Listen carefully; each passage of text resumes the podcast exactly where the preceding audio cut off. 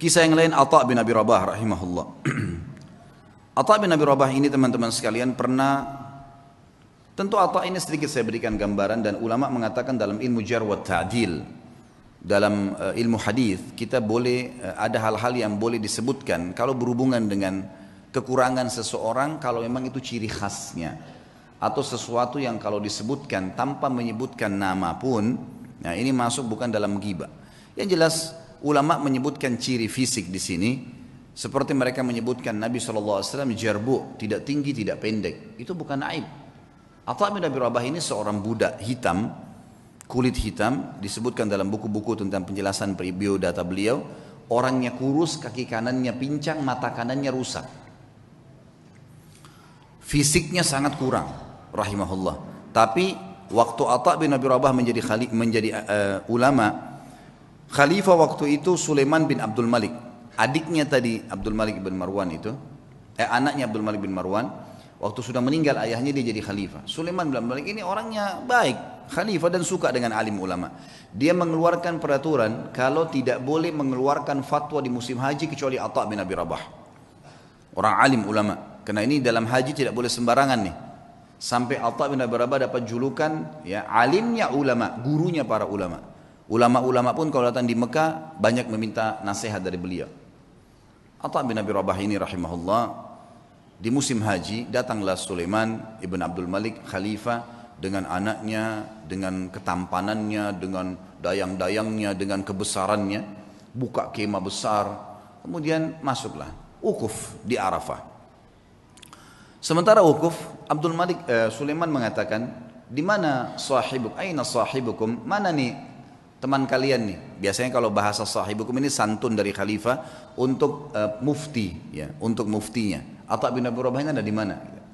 Kata mereka Amir Mu'minin lagi di kemahnya, lagi menunggu orang-orang yang lagi antri. Oh, lagi antri bertanya gitu. Dia bilang saya punya hajat. Saya ingin datang ke sana. Baiklah, Sulaiman datang. Sulaiman ini dia dia menunjuk si ya Atau bin Abi Rabah jadi jadi jadi mufti, dia yang memberikan gaji gitu kan. Pemimpinnya lah dan waktu itu khalifah. Dan perlu diketahui Sulaiman bilang lagi di zamannya ini khilafah Umayyah jadi luas sekali, luar biasa gitu kan. Kuasanya sangat luas karena ayahnya juga punya kekuatan militer yang besar. Ringkas cerita dia pun datang dan dia seorang saleh. Begitu dia masuk ke kemahnya Atta bin Abi Rabah, disambut oleh Atta bin Rabah, pelukan, ngobrol, saling menyebutkan kata-kata yang santun satu sama lain sebagai sebagaimana adab seorang muslim. Setelah itu Atta bin Rabah bertanya, "Wahai Amir Mukminin, e, kenapa anda datang ke sini?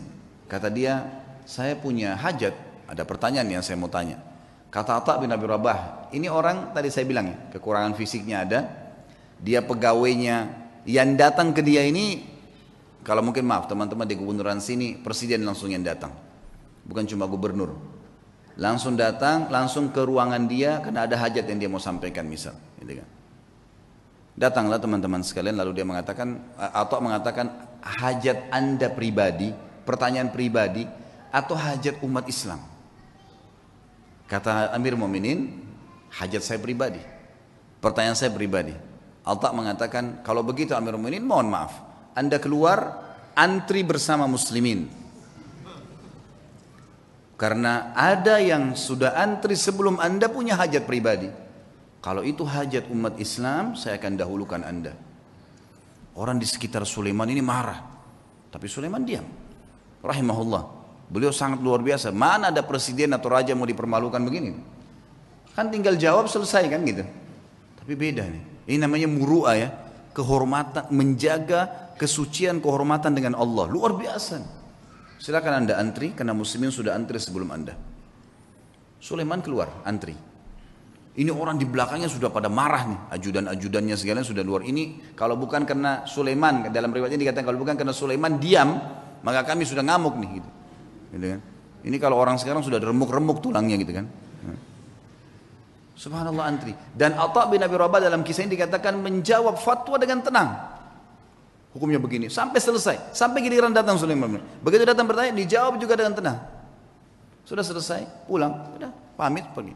Begitu kembali ke istana, tentu ada masalah nih ya. Sulaiman bin Malik dengan keimanannya juga akhirnya dia mengatakan, kumpulin semuanya, kumpulin semua kerabat saya yang ada hadir di sini dan semua ajudan pemerintahan. Panggil semua, dipanggil semua kumpul. Di kemah yang besar mereka kumpul. Lalu dia mengatakan, apa yang kalian lihat bukanlah sesuatu yang mempermalukan. Amir Mu'minin, raja. Bukan sesuatu yang mempermalukan. Dan demi Allah, Allah memuliakan Atha bin Abi Rabah dari saya karena ilmunya. Dan di dalam Islam memang seorang alim di atas seorang amir. Ya. Dan memang saya punya hajat pribadi. Maka jangan pernah ada yang merasa marah dengan Atta bin Abi Rabah. Karena saya sendiri tidak marah dengan dia. Dan wahai anak-anakku dan para ajudanku. Belajarlah agama karena ilmu agama akan mengalahkan singa sana, singa sana para khalifah. Tapi bagaimana teman-teman? Khalifah bisa begitu, Atta bin Abi Rabah alim bisa begitu. Dan semua dengan lapang dada bisa menjaga. Kenapa? Karena mereka yakin ada raja yang sebenarnya. Allah Azza wa Jal. Kita teman-teman cuma kebetulan saja beda formalitas. Nih baju bedanya cuma sementara. Ini jabatannya oh si fulan. Ini mobilnya bedanya begini. Itu cuma hiasan, kemasan. Sama dengan makanan. Misal kalau di Makassar ada coto, ada coto yang ditaruh di mangkuk yang mahal, ada yang ditaruh di piring yang biasa. Tapi sama saja coto. Gitu kan.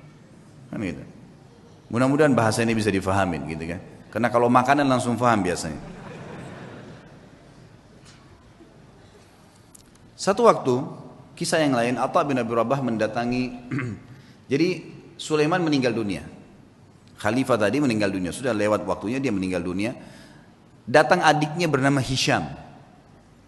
Hisham bin Abdul Malik, biasanya memang sudah tradisi, mungkin teman-teman di kantor pemerintahan sudah tahu biasanya kalau ada datang pejabat baru maka dia akan ambil informasi dari pejabat sebelumnya tentang orang-orang relasi yang bisa dihubungin kan gitu itu sudah biasa turun temurun memang dari dulu gitu tapi mudah-mudahan relasinya ini orang-orang yang tepat yang jelas Hisham bin Abdul Malik sudah tahu kakaknya ini Sulaiman terkenal dengan kesolehannya dengan kealimannya dia telah menunjuk ya Atta menjadi mufti maka dia tidak mau ganggu tuh, dibiarin Atta jadi mufti. Lanjutin fatwanya. Satu waktu Atta bin Abi Rabah datang ke istananya. Atta bin Abi Rabah ini teman-teman sekalian naik keledai, keledainya tua. Dan untuk naik ke keledai itu kan biasanya ada pijakan untuk injak ya, itu dari kayu biasa. Bajunya biasa, imamahnya juga sudah tua, besar gitu.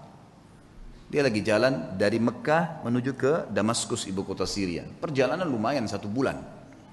Subhanallah begitu mau sudah kelihatan istananya Khalifah Hisham bin Abdul Malik ada satu ulama lain namanya Atta juga Al-Khurasani dari Persia terkenal juga ulama tabi'in Atta Al-Khurasani. Jadi kalau disebut nama Atta dua ini. Atta bin Abi Rabah di Mekah.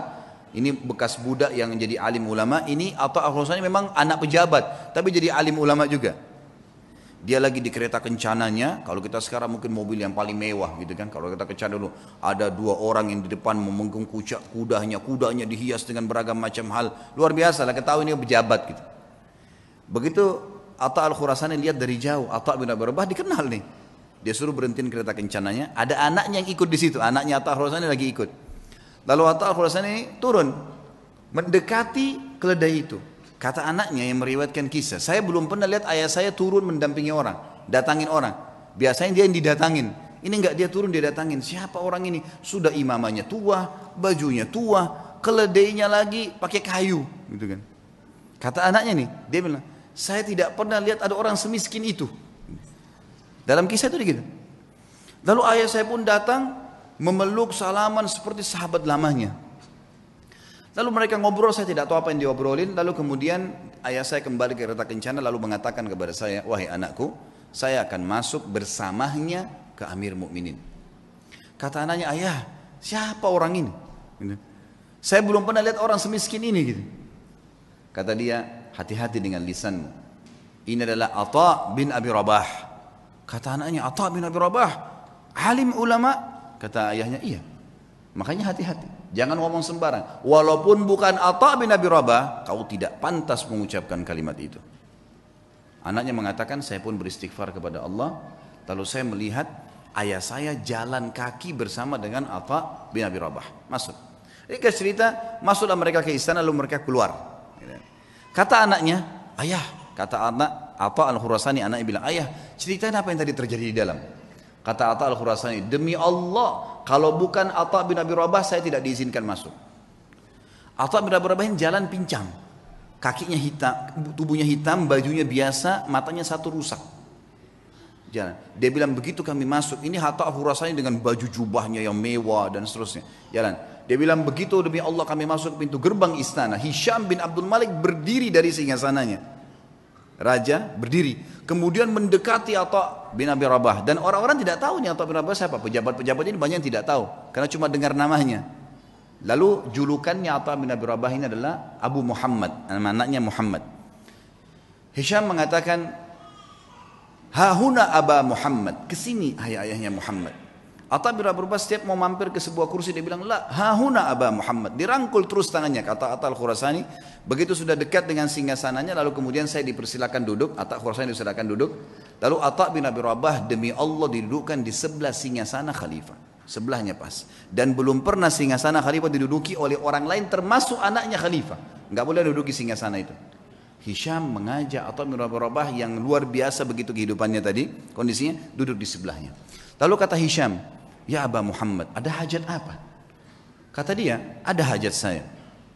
Hajat yang pertama dia bilang, penduduk Mekah dan Madinah wahai Amir Mu'minin, tetangganya Allah dan tetangganya Rasulullah sallallahu alaihi wasallam. Karena di Mekah ada Ka'bah, berarti orang yang tinggal di Mekah kan tetangganya Allah, bahasa santunnya begitu. Di Madinah ada rumah Nabi SAW walaupun ada kuburannya beliau sekarang sudah jadi kuburan tapi kan rumahnya Nabi masih ada. Itu kan masuk dalam masjid. Tetangganya Rasulullah SAW terlambat ataya mereka. Ataya ini kayak pemberian yang diberikan oleh kerajaan ya dari eh, dari dari khilafah diberikan kepada masyarakat. Semua kaya atau miskin semua dapat. Dari hasil pendapatan negara nanti dikeluarkan untuk kebutuhan negara kemudian sisanya dibagi rata. Itu haknya masyarakat. Penduduk Mekah dan Madinah tetangga dengan Rasulullah SAW terlambat ataya mereka maka saya mengingatkan anda kepada Allah agar memberikan kepada mereka. Baik. Kata Hisham, ya gulam, sekretaris datang, catat dan berikan sekarang juga. Ada lagi hayanya Muhammad, ada lagi. Para mujahidin yang membela perbatasan kaum muslimin, mereka ribat setiap hari. Terlambat gaji-gaji mereka. Ada istri dan anak mereka mengeluh dengan saya. Maka berikan hak mereka. Ya gulam, catat, segera jalankan pesannya Abah Muhammad. Ada lagi hayanya Muhammad, terus aja Atta menyampaikan hajat muslimin. Gak ada hajat dia pribadi nih, hajat begini, hajat begitu. Ringkasnya adalah terakhir, sudah lima hajat, enam hajat disampaikan. Kata Amir Mu'minin, masih adakah hayanya Muhammad? Kata Atta al-Khurasani, demi Allah, Atta bin Abi Rabah berdiri dengan tegak di depan Amir Mu'minin. Lalu mengatakan kalimat yang membuat istana itu kalau mau goncang bisa goncang. Dia mengatakan apa? Wahai Amir Mukminin, ada hajat yang lebih penting dari semua yang saya sampaikan tadi. Kata Hisham, apa itu wahai Atta? Abah Muhammad, apa itu? Ini orang-orang kaget, belum pernah ada orang khalifah duduk, dia beri depannya dan dia menunjuk nih, ada hajat yang lebih penting. Kata dia, apa itu hai ayah Muhammad? Demi Allah wahai Amir Mukminin, kau dilahirkan di muka bumi ini sendirian dan kau juga akan mati sendirian dan kau akan dihisap oleh Allah sendirian. Demi Allah, semua yang kau lihat di sekitarmu ini tidak bermanfaat buat kamu. Maka bertakwalah dengan Allah. Hisham bin Malik menangis, waktu itu menangis luar biasa sambil memukul tongkatnya.